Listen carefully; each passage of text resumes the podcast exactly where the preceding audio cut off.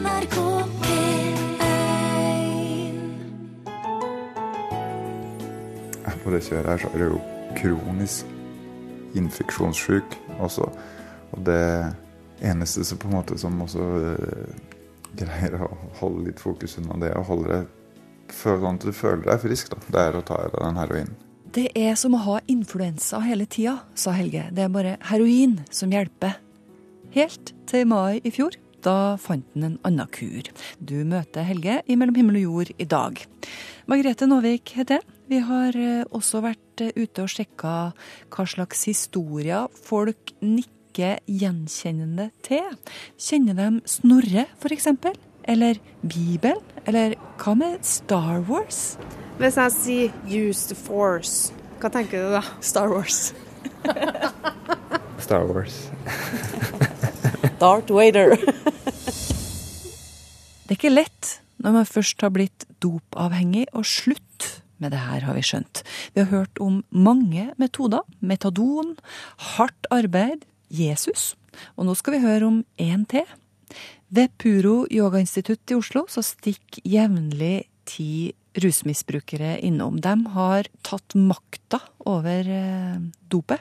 De trener side om side med andre.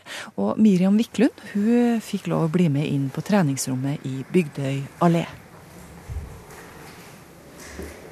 Det du hører nå, er pustingen fra 20 yogaentusiaster som ligger på hver sin matte og gjør langsomme bevegelser i de utroligste posisjoner. Én har lagt føttene rundt nakken og triller fram og tilbake på matta som en ball. En annen står på hodet, og en tredje ligger strak ut og bare puster. Og de som står opp i grålysningen for å trene her, rapporterer om bedre helse og større sinnsro. En av dem er Helge Roll Lund. Han har vært rusmisbruker i mange år. Men i juni ble han oppmuntret til å bli med på prosjektet Back in the Ring. Som rett og slett går ut på å trene yoga for å gjenvinne helsa og komme tilbake til livet. Og nå er han ute av rusmisbruket. Og ferdig med alt dop. Ja, det er nå. Det er Og det kan jeg takke det her for, altså. Mm, ja. Altså, det svarte hølet som du følte du på en måte prøvde å fylle med rusmidler og, og, og stoff, på en måte, det, det hølet er ikke der lenger. Det er eh, Nå jeg ut med en sånn varm, god følelse i magen. Og det Jeg vet ikke, altså. Det er bare Hele innstillinga til, til greia. Og det starter, eh, starter dagen med en form for lydmeditasjon. Bruker en halvtime, halvtime, tre kvarter på det, kanskje. Og så har jeg et lite kafferitual. Så, og så tar jeg trikken ned her på Puro. Sånn Ja, jeg pleier å være ute av døra i, i kvart på sju-tida. Det er bare tre kvart år siden at Helge sine morgenstunder så ganske annerledes ut. Jeg starta dagen ja, halv seks-tida på, på gangbroa mellom jernbanestasjonen og bussterminalen. Med å bomme. Eh, og ofte på den tiden så er det kaldt selv på sommeren, ikke sant. Eh, på vinteren så måtte jeg ty til sovepose en gang imellom for å greie å holde ut lenge nok da, til å få de 200 kronene du trenger for en, som vi kalte det, friskemelding. Eller men eh, Friskemelding, var det en dose, liksom? ja. Altså, det som er, er at du, du føler deg jo direkte syk og ganske sånn Kan sammenligne det nærmest med er vel en fryktelig intens influensa med fryktelig høy feber og eh, kanskje også med kanskje en kraftig matforgiftning oppå toppen. da. Noe sånn kanskje det ligner. Eh, og, og når du tar eh, heroinen da, om morgenen, så er det poff borte. Og du føler deg normal igjen, og du greier å tenke noe, og du greier å eh, ta deg sammen og gjøre tingene, ikke sant? Og en stor del av døgnet var jo prega av at man ikke var frisk. Ikke sant? Man eh, jaga da etter penger til å bli frisk, ikke sant? Og da er det desperasjoner, ingenting annet, som, som pusher deg. Kan du gjøre hva som helst da, for å få de pengene? I- ja, i utgangspunktet så kan det det, altså. Hvis muligheten byr seg, og, og du er der, på en måte, så, så tar du den, altså. Hva, kan du huske første yogatimen din? Jeg kan det, altså. Det var tortur. Var det det? Ja, det var tøft, altså. Jeg var eh, jeg tror det, ja, det var En ting er å være i dårlig form, men man var jo ikke bare i dårlig form. Man hadde jo systematisk rett og slett eh, ødelagt kroppen sin da, ikke sant, over mange år. Rett og slett med å Sånn som jeg ødela tidlig det jeg hadde av blodårer, og gikk over i intramuskulære injeksjoner. og bærer jo preg av det, da. Ikke sant? Så det er, ikke en, det er ikke en vanlig dårlig form som skal fikses opp i. Det er, det er litt dypere enn det. Bena mine hovna opp til sånne svære pløser. Eh, Jeg ser du har enda litt sånn blåaktig skjær på, på Ja. føttene. de, det er det. Men uh, istedenfor det blåaktige, rødaktig skjæret som er nå, fra det blå-svarte, blå-lilla som var, og de store posene med ben, så har de blitt fryktelig mye bedre. Jeg hadde også fryktelig mye problemer med, med huden. Du har liksom dratt opp buksa di nå, så nå ser vi fra knærne og ned. Mm. Det ser nesten ut som du har vært spedalsk, liksom. Mm. sånn, helt sånn Jeg har eh, hatt rosen i begge beina Da. ja, misfarvet hud. Mm. Ja. Men nå er det slutt. Nå er det slutt. Ja.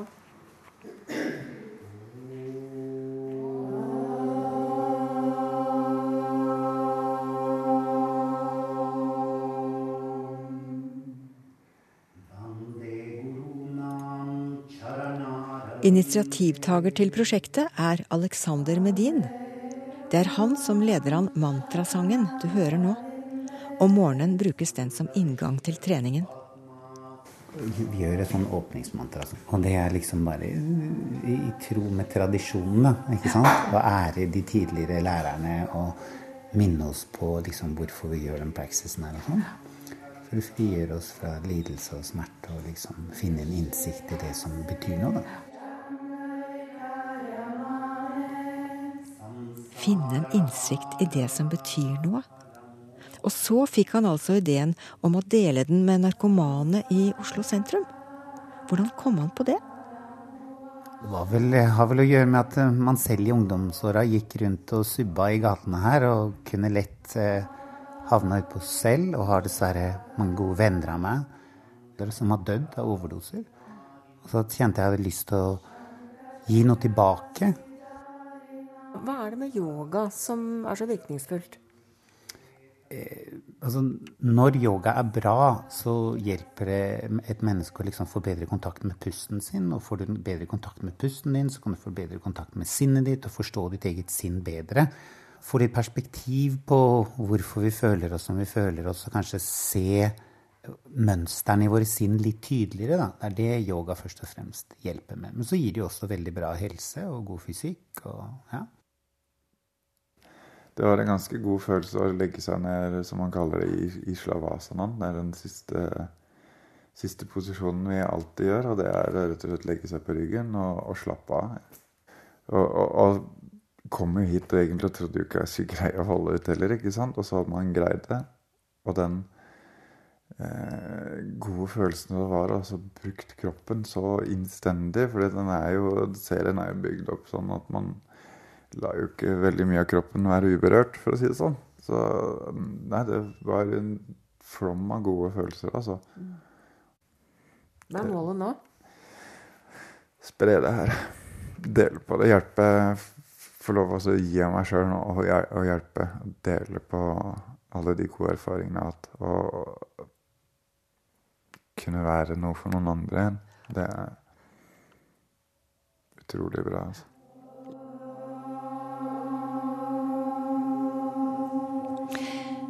Det sier Helge Roll Lund, som sammen med Alexander Medin ved Puro Yoga håper at prosjektet Back in the Ring kan bli et permanent hjelpetiltak i ettervernet for rusmisbrukere på avvenning. Du hører på Mellom himmel og jord i NRK P1. Nå har vi lokka tre hoder inn i tenkeboksen. De gjør seg klar til å plukke et nytt ord fra hverandre, så får vi se om de kan sette det sammen igjen om noen minutter. I dag hører vi en bahai, en som kaller seg udogmatisk kristen, og et Jehovas vitne. Panelet. Eh, jeg heter Sæk. Jeg er da 26. Jeg liker å ha oppløftende samtaler og turer i skogen.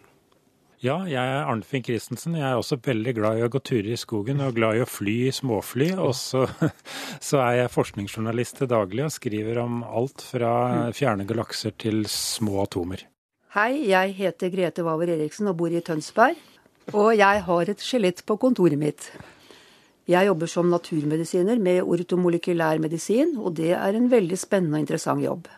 Ordet i dag er respekt. Vi kan kanskje si at eh, respekt er å ha like høye tanker om andre som seg sjøl. Grete, hvem er det som har din respekt?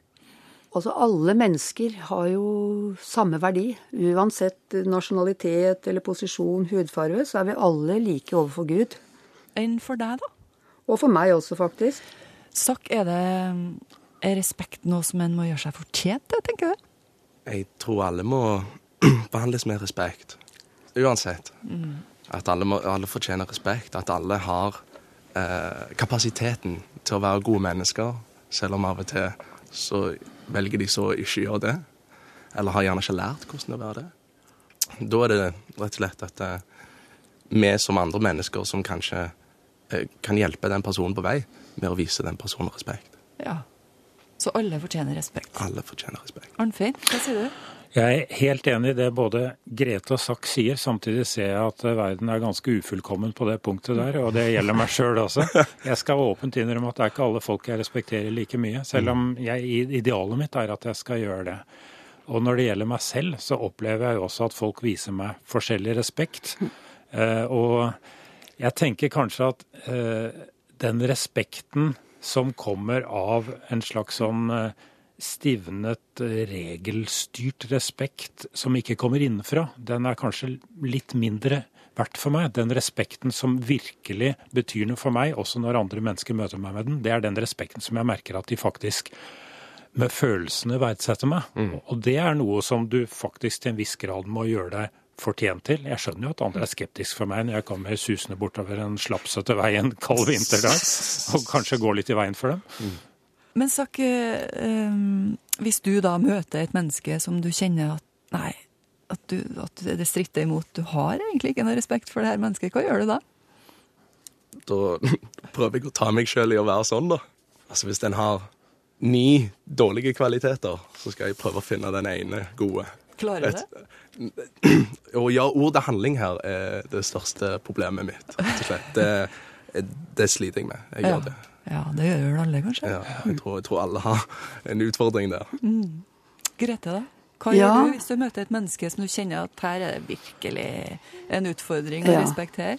Altså, Vi forkynner jo for alle mennesker, uansett hvem de er. Og jeg kan jo fortelle at i vårt religionssamfunn så finnes det faktisk mange mennesker som har vært ja, både kriminelle, narkomane og på å si vers, verstinger i samfunnet. Men når de lærer Bibelens sannheter å kjenne, så legger de av den gamle personligheten og på, ikler seg en ny personlighet, som det står i Bibelen, og forandrer livet sitt. Så alle har på en måte eh, et godt menneske i magen, som det ble sagt tidligere her. Arnfinn, hva gjør du når det skorter på eh, respekten? Jeg er jo pent oppdratt, har jeg nær sagt, så hvis jeg møter et menneske jeg ikke føler naturlig respekt for med en gang, så tar jeg vel på meg den eh, penskjorta, hadde jeg nær sagt, prøver, sånn den mentale penskjorta, prøver å oppføre meg pent. Men det er jo det at 99% av all kommunikasjon er jo ikke-verbal, så jeg tror det lyser ganske tydelig gjennom likevel. Jeg tror det er ganske avslørende at jeg da ikke har respekt for vedkommende. Jeg bør helst eh, holde litt kjeft en stund, og så se om ikke de, jeg kanskje etter hvert kan finne en ny inngang til disse folkene. Og der er du jo inn på selve definisjonen på begrepet. For det er jo eh, Det betyr jo direkte oversatt å se om igjen. Ja, det er sant. Re-respekt. Ja, ja, ja. Spektare, som betyr å se, og re, som betyr en gang til, på en måte. Det har jeg ikke tenkt over. Det er sant. At du stadig revurderer folk og ikke tar den første fordommen som den endelige sannheten, det tror jeg er en viktig del av det. Men kan det ligge noe frykt i det her ordet òg? For en autoritet, f.eks.? Kanskje akkurat det med autoriteter. Det, det er på en måte ytre makt.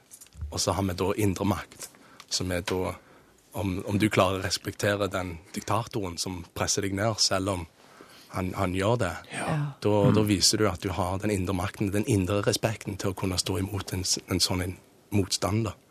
Og det, da er du en ganske mektig person, selv om du ikke Kanskje det ikke vises utvendig. Elsk dine fiender. Vi vil så gjerne, men vi får det ikke til. Nei, vi er alle ufullkomne. Det er vi. Men vi gjør så godt vi kan. skal vi Prøver si å gjøre så godt vi kan, ja. Ja. Det er da ikke så verst bare det, å gjøre så godt man kan, hvis man virkelig gjør det. Vi hørte Grete Wauer Eriksen, Zack Livesey og Arnfinn Christensen i panelet i dag. Snart skal vi møte Katarina, som prøver å holde styr på når kjæresten kommer hjem til kvelds. Det er ikke lett å være her i Norge når alle hun er glad i, er i Ukraina.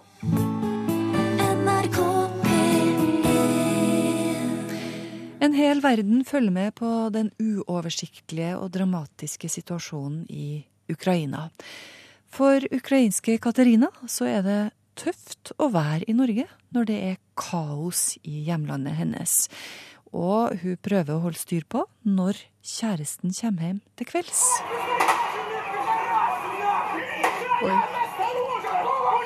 I gatene der ukrainske Katerina Lobintseva har trådd sine barnesko, er det nå opprørerne som herjer. Det roper 'Russland, Russland'. Oi, oi, oi. YouTube-videoen viser siste nytt fra hennes hjemsted. Skudd avfyres, og elektriske pistoler blir brukt. Tidligere naboer er nå bitre fiender. Og det er i disse gatene hennes ektemann, all familie og venner ferdes til daglig. Jeg har frysninger på ryggen. Fordi det er, det er så dårlig igjen. Og eh, jeg kan ikke forstå at det er i Ukraina. For det var så fredfullt før. Hva er du mest redd for? Jeg er mest uh, redd for at det skal bli krig, og så uh, at mannen min blir utkalt til å delta i kamp. Og så familien min sin sikkerhet.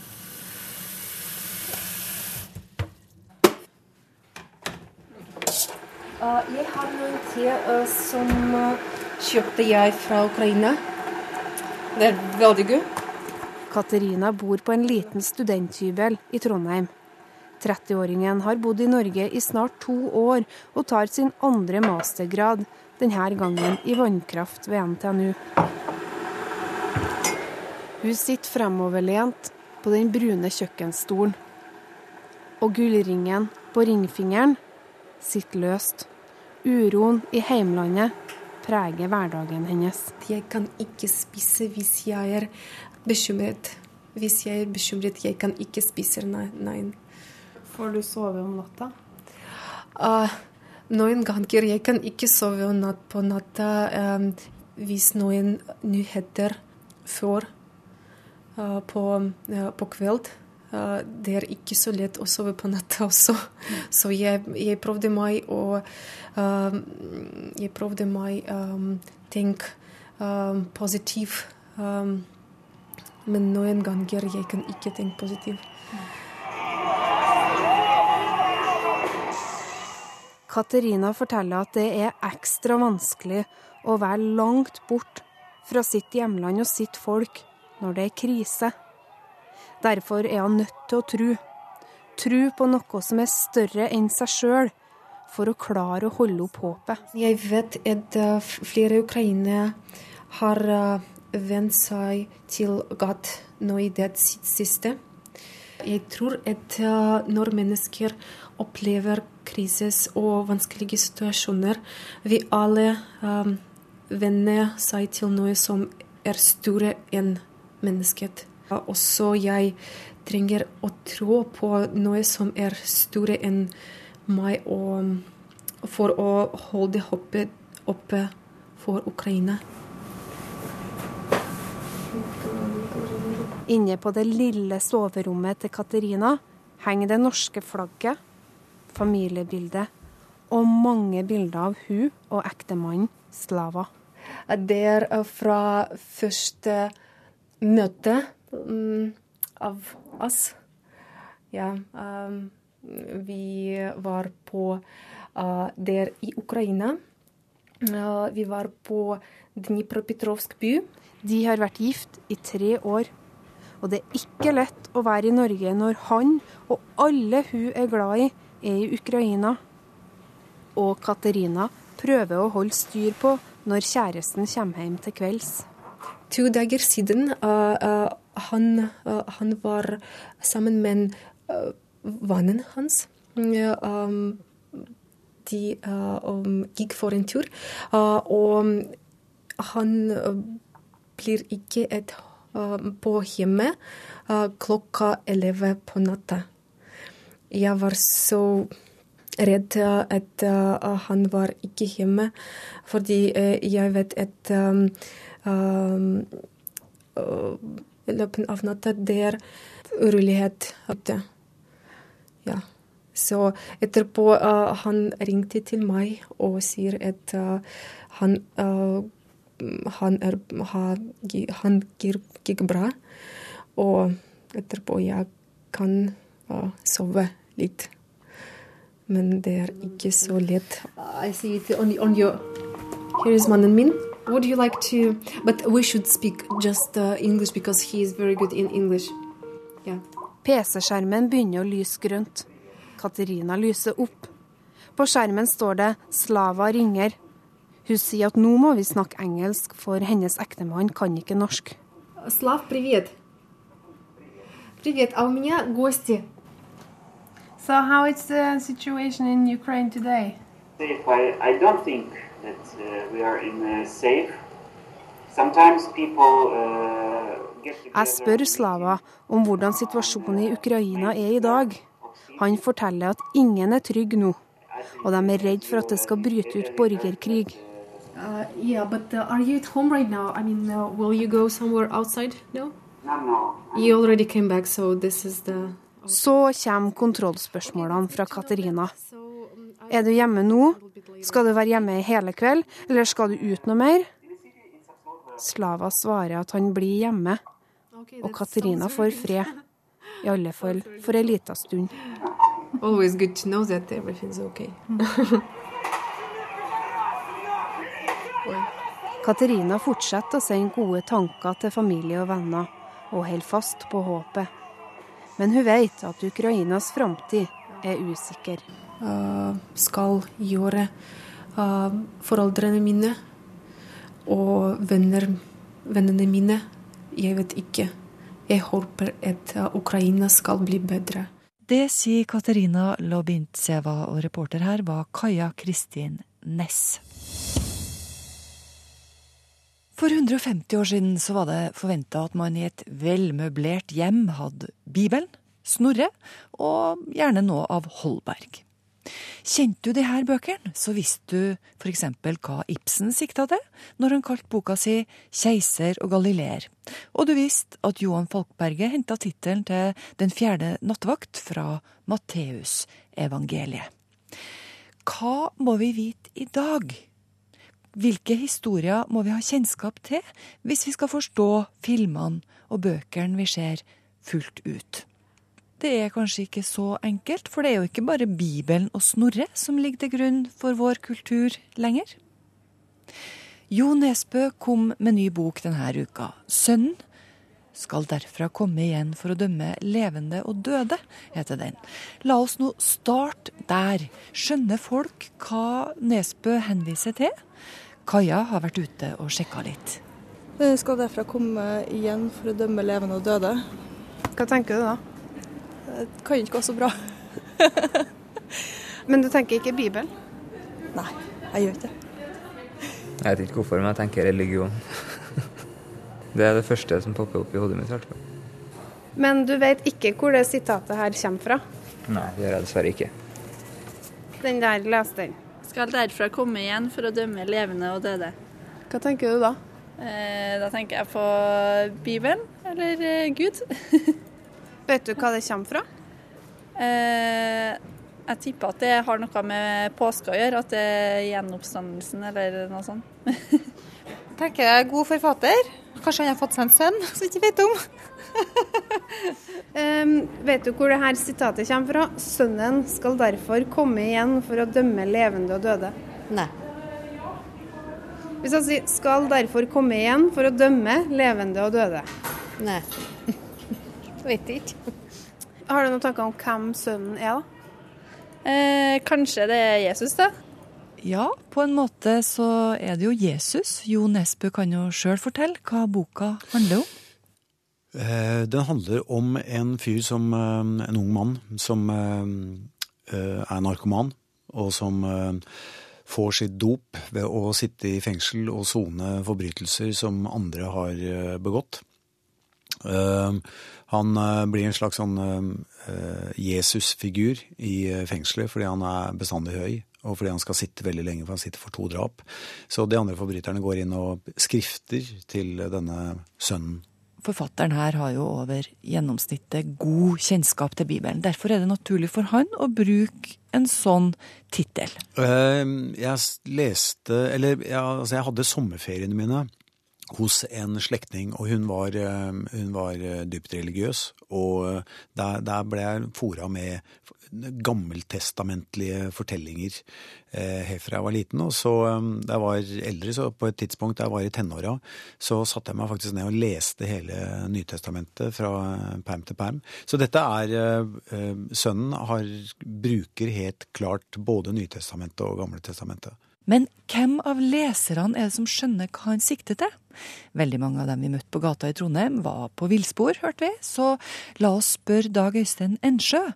Hvem er det Jo Nesbø henvender seg til? Altså, det er et godt spørsmål, fordi fra en eh, norsk sammenheng så er det lite bruk av det bibelske. Men samtidig så Hvis man tenker på at eh, internasjonalt publikum, særlig et angloamerikansk publikum, så er de mye bedre bevant nettopp i disse forestillingene. Mm. Hvem er det som forstår hva han sikter til, tror du, sånn ut fra tittelen? Bare sønnen. Mm, Ja, og undertittelen skal derfra komme igjen for å dømme levende og døde. Da tror jeg Ja, det håper jeg nesten si at de fleste vil kunne si at dette, dette har med Jesus Jesu tilbakekomst å gjøre. Tja, av de seks vi spurte, så var det én som skjønte sammenhengen. Og det kan jo være tilfeldig, men kan det også være sånn at nå hører vi så mange historier, vi får så mange referanser at vi ikke greier å holde styr på hvor alt kommer fra? La oss høre om folk kjenner til norrøn mytologi, f.eks. Kaja spør hvem som helst hva er Yggdrasil? Nei. Hvis jeg sier Yggdrasil, vet du hva det er? Nei. Ja, det er vel livets trær og sånn fra norrøn mytologi, er ikke det? Hvis jeg sier um, Yggdrasil, hva sier du da? Island. Eh, det er noe med norrøn mytologi, tror jeg. Det er verdenstreet. Ja. Og når du dømmer noen ting, eller noen, nord og ned, vet du da at eh, det her er fra Snorre? Nord og ned til helvete. Og at søketjenesten Kvasir har henta navnet sitt fra en kar i norrøn mytologi som var skapt av vaners og æsers spytt, og kunne svare på alle spørsmål. Tilbake til Dag Øystein, religionsforskeren. Vi bør kjenne vår bibel, sier han. Og norrøn mytologi er også norsk kultur. Men hva med alle de nye religionene som har kommet til lands de siste åra? Dem eh, kommer vel også til å bli henvist til i film og bøker? Ser han eksempler på det? Mm, ja, det må jeg tenke litt. Vi tenker så det knaker, både Dag Øystein og jeg, men vi kommer ikke på noen sånne eksempler. Enest at det har blitt vanlig å henge buddha-figurer på juletreet, visst.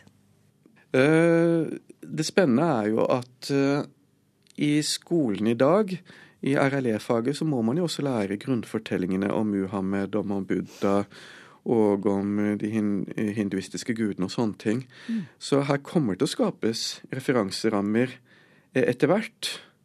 Og dette er ting vi tilsvarende har sett før. Altså det er litt sånn som da kristendommen kom til Norge, at man fikk nye referanserammer, og det får man nå da med disse da nye etniske og religiøse minoritetene. Og ikke minst siden da disse historiene er da i skolen. Ja, for eksempel så vet vel kanskje de fleste unge i dag hva karma betyr? Ja. Så det kommer jo inn i språket. Mhm. Det som du gjør mot andre, kommer tilbake til deg, som regel. Vet du hva karma betyr? Eh, Det at eh, man får som man fortjener. At man eh, Det kommer tilbake til en uansett hvordan man oppfører seg. Vet du hva karma betyr, da? Den karmaen man har, altså hvordan man er og utstrålinga utover. Karma er vel eh, litt yin og yang, og så er du snill med andre, så er de snille tilbake. Ja. Hva er det? Det du får tilbake, det som Ja, enkelt og greit. Karma, ja. Eh, En god karma. Altså at vi har eh, Ja, det er noe godt. Så det er minst én ting til vi bør kjenne til for å forstå hva det henvises til i populærkulturen, nemlig populærkulturen sjøl. Kaja undersøker om de seks tilfeldig utvalgte har peiling. Hvis jeg sier 'use the force', hva tenker du da? Star Wars. Hva Da betyr det? tenker jeg Star Wars. Enn hvis jeg sier 'use the force'? Nei, jeg vet ikke. Nei, det er Star Wars. Ja. ja. Hvis jeg sier 'use the force', hva sier du da? Hva betyr det? Hvor kommer det fra? Star Wars. Yeah! Enn hvis jeg sier 'use the force', hva tenker du på da? Eh, bruk krafta di. Ja. Hvis jeg sier 'use the force', Dart Vader. så det kommer ja, fra? det er fra Star Wars. Mm. Hørte du hvordan folk flirer her? Det her er en vits som veldig mange skjønner. Use the force fra Star Wars-filmene. Så hvis man ikke har fulgt med på liksom, eh, liksom de siste års Hollywood-filmer, så mister man veldig mange av uh, vitsene. Mm. Og det er egentlig et veldig god, godt bilde på, på hva man mister. Altså, man, man skjønner liksom ikke hva dette dreier seg om hvis ikke, hvis ikke man har dette her. Og nettopp siden dette handler om fortellinger. Altså, det er ikke ting som behøver pugges eller liksom dyttes inn, eller man skal liksom måtte kunne dette. Men nettopp at man, når man da lærer barna å lese, når man har leseting og sånn for dem, gi dem da forenklet historier fra de forskjellige tradisjonene. Nettopp fordi da kan få referansene. Mm. Og sånn sier Dag Øystein Ensjø, religionshistoriker. Forstår du budskapet i en film eller ei bok bedre? Men ærlig talt, man må jo kunne la seg glemme alt man kan om Bibelen, norrøn mytologi, Østens filosofi, populærkultur, og lene seg tilbake, ta en stor bøtte popkorn og la seg rive med av en film, rett og slett. Det får da være måte på hva man skal forlange av et stakkars menneske. Neste fredag så kommer den første i en rekke filmer med handling henta fra Bibelen. Historien om Noah og hans ark får du på kino fra 4. april. Det er den vi hører lyden fra her. Og det her er bare én i rekka av mange filmer som nå er under produksjon i Hollywood, som har henta handlinga si fra Bibelen, altså. No. What did he say? He's going to destroy the world. Det ryktes at eh, Will Smith snart skal ha sin regidebut på historien om Kain og Abel, og at Brad Pitt skal spille hovedrollen i en film om Pontus Pilatus. Men det her eh, kan jeg ikke gå god for, altså. Men det som er bekrefta, det er at historien om Moses kommer i år, i adventstida. Så her blir det muligheter for å bli underholdt og belært på ei og samme tid. Miriam Wiklund, Kaja Kristin Næss og Margrethe Nåvik har snekra sammen det her radioprogrammet på dugnad. Det blir liggende på radio nrk.no ei stund. Så om du lurer på om du virkelig hørte rett, så er det bare å gå inn og sjekke. Er du bare sånn passe begeistra for musikken, så ligger det en versjon på nrk.no podkast uten musikk. Har du noe på hjertet? Eller et annet sted, for den saks skyld, så kan du gi lyd. Vi er å nå på himmel og jord, krøllalfa, nrk.no. Eller du kan ta kontakt på Facebook. Ha en riktig god søndag med NRK Radio, f.eks.